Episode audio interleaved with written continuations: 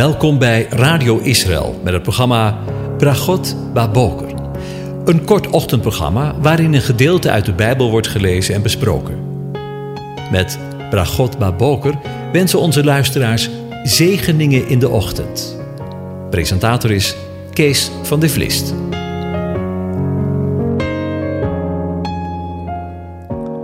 Goedemorgen, Bokatov, beste luisteraars. Vanmorgen denken we weer verder na over Psalm 104.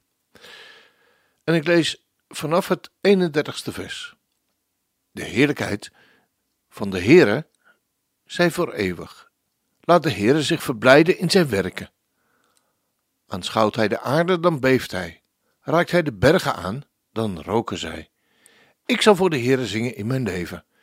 Ik zal voor mijn God psalmen zingen, mijn leven lang. Mijn overdenking van hem zal aangenaam zijn. Ik zal mij in de Heere verblijden. De zondaars zullen van de aarde verdwijnen, de goddelozen zullen er niet meer zijn. Loof de Heere mijn ziel. Halleluja. Over het loven van de Heere gesproken. De volgende keer hebben we met elkaar stilgestaan bij vers 33. Ik zal voor de Heere zingen in mijn leven. Ik zal voor mijn God psalmen zingen, mijn leven lang. In nog twee psalmen lezen we dit getuigenis van David. In Psalm 145, vers 1 en 2. Ik zal u verheerlijken, mijn God, o koning, en ik zal uw naam voor eeuwig en altijd zegenen. En in Psalm 146, vers 2. Zolang ik leef, zal ik de Heere loven. Ik zal mijn God psalmen zingen, zolang ik nog heb. En dan vervolgt David met de woorden: Mijn overdenking van hem zal aangenaam zijn. Ik zal in mij, in de Heere, verblijden. Al het voorgaande is stof tot overdenking van hem, van zijn persoon.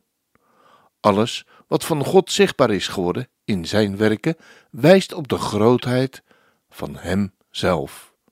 Om hem gaat het. Zijn werken verwijzen naar hem. Nadenken over hem is aangenaam, zegt de dichter. Er is geen bezigheid die aangenamer is. De psalmist verblijdt zich in de Heere zelf. Dit is de gemeenschap die tot volkomen blijdschap voert. In 1 Johannes 1, vers 1 tot met 4 lezen we: Wat er was vanaf het begin, wat wij gehoord hebben, wat wij gezien hebben met onze ogen, wat wij aanschouwd hebben en onze handen getast hebben van het woord des levens, want het leven is geopenbaard en wij hebben het gezien. En wij getuigen en verkondigen u het eeuwige leven, dat bij de Vader was en aan ons is geopenbaard. Wat wij gezien en gehoord hebben, verkondigen wij u, opdat ook u gemeenschap met ons hebt. En deze gemeenschap van ons is er ook met de Vader en met zijn Zoon Jezus Christus. En deze dingen schrijven wij u, opdat uw blijdschap volkomen wordt. Weet u, ik ben al wat ouder en kom er steeds meer achter dat we onze tijd, onze dagen en ons leven kunnen vullen met van alles en nog wat. En dat kunnen we op zichzelf allemaal goede dingen zijn. Ik ga daar niets van zeggen. Ik heb dat ook gedaan en doe dat nog steeds. Maar de grootste blijdschap, de grootste voldoening vind ik uiteindelijk toch in het overdenken van Zijn woord. Zijn woord waarin Hij zelf zichzelf openbaart. Het is inderdaad zoals David getuigt. Het is stof tot overdenking van Hem, van Zijn persoon. En weet je, je raakt een leven lang niet uitgestudeerd in het woord van God. Altijd zijn er nieuwe dingen in Gods schatkamer te ontdekken. We zien het bij de drie vormen van roemen, waarover apostel Paulus spreekt. De gelovige roemt in de hoop van de heerlijkheid van God. Paulus roemt in de verdrukkingen. En tenslotte roemt hij in God zelf door de Heer Jezus Christus. Immers, als Abraham uit werken gerechtvaardigd is, heeft hij iets om zich op te beroemen, maar niet bij God. Maar wie roemt, roemen in de Here. Niet vergeten hoor, want wat onszelf betreft is alle roem uitgesloten. En dan volgt het slot van de psalm. De zondaars zullen van de aarde verdwijnen. De goddelozen zullen er niet meer zijn. Loof de Heere mijn ziel. Halleluja. Zij die niet met het loflied van de Heere instemmen, zijn de zondaars en de goddelozen. De goddelozen zullen er niet meer zijn.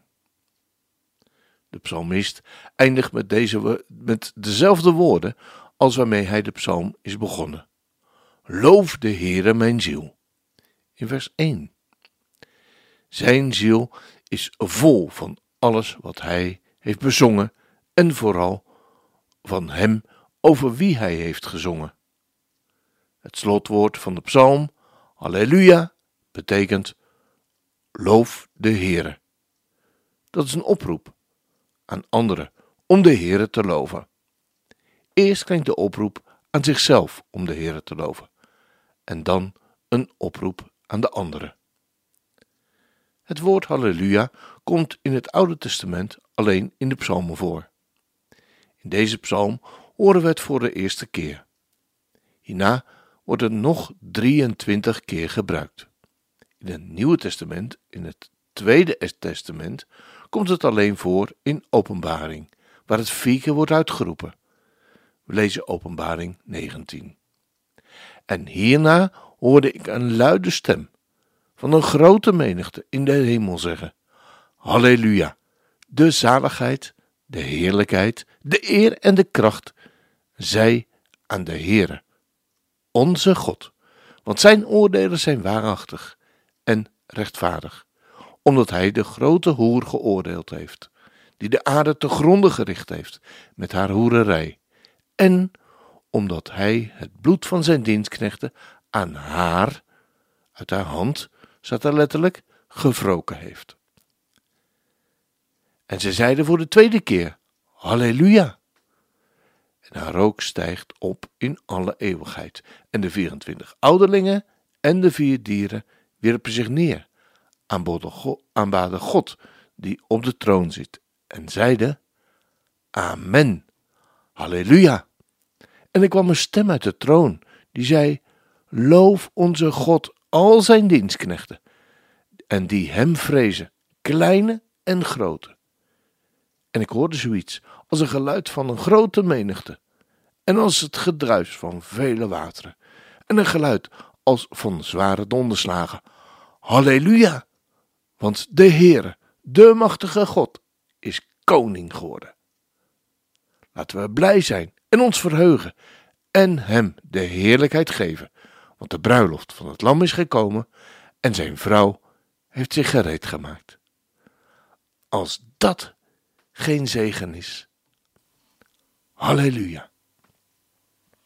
I've heard there was a secret chord that David played and it pleased the Lord. But you don't really care music, do you?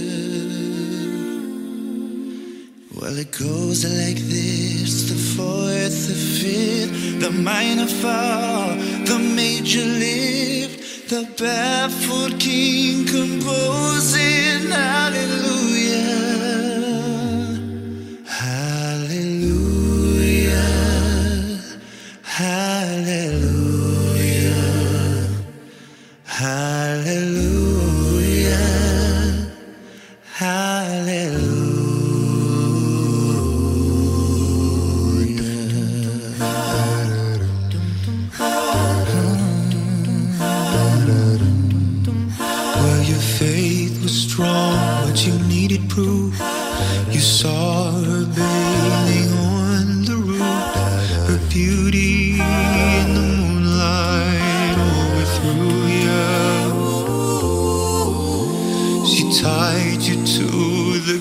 kitchen chair. She broke your throne and she cut your hair.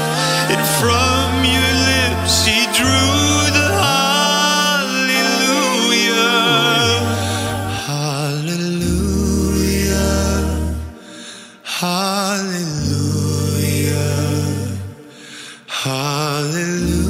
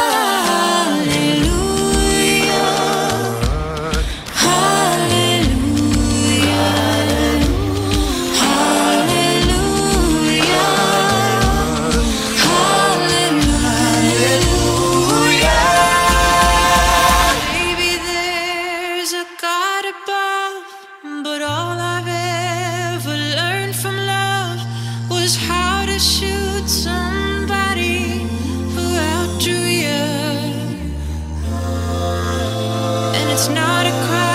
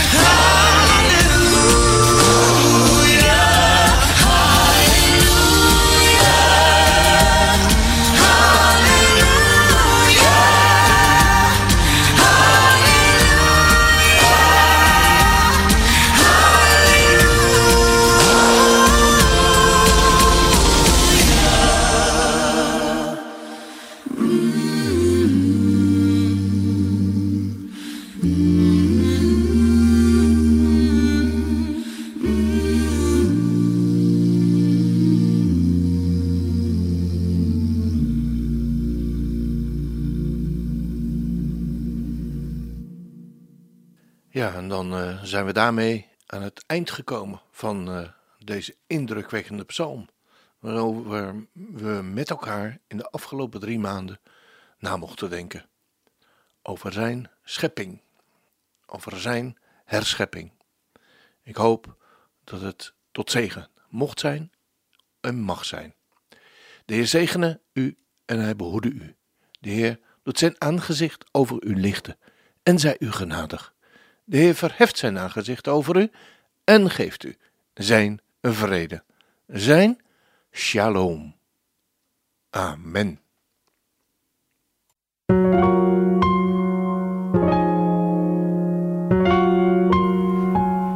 U hebt geluisterd naar het programma Bragot Baboker. Een kort ochtendprogramma waarin een gedeelte uit de Bijbel wordt gelezen en besproken. Wilt u het programma nog eens naluisteren, dan kan dat. Ga naar radioisrael.nl en klik onder het kopje radio op Uitzending gemist.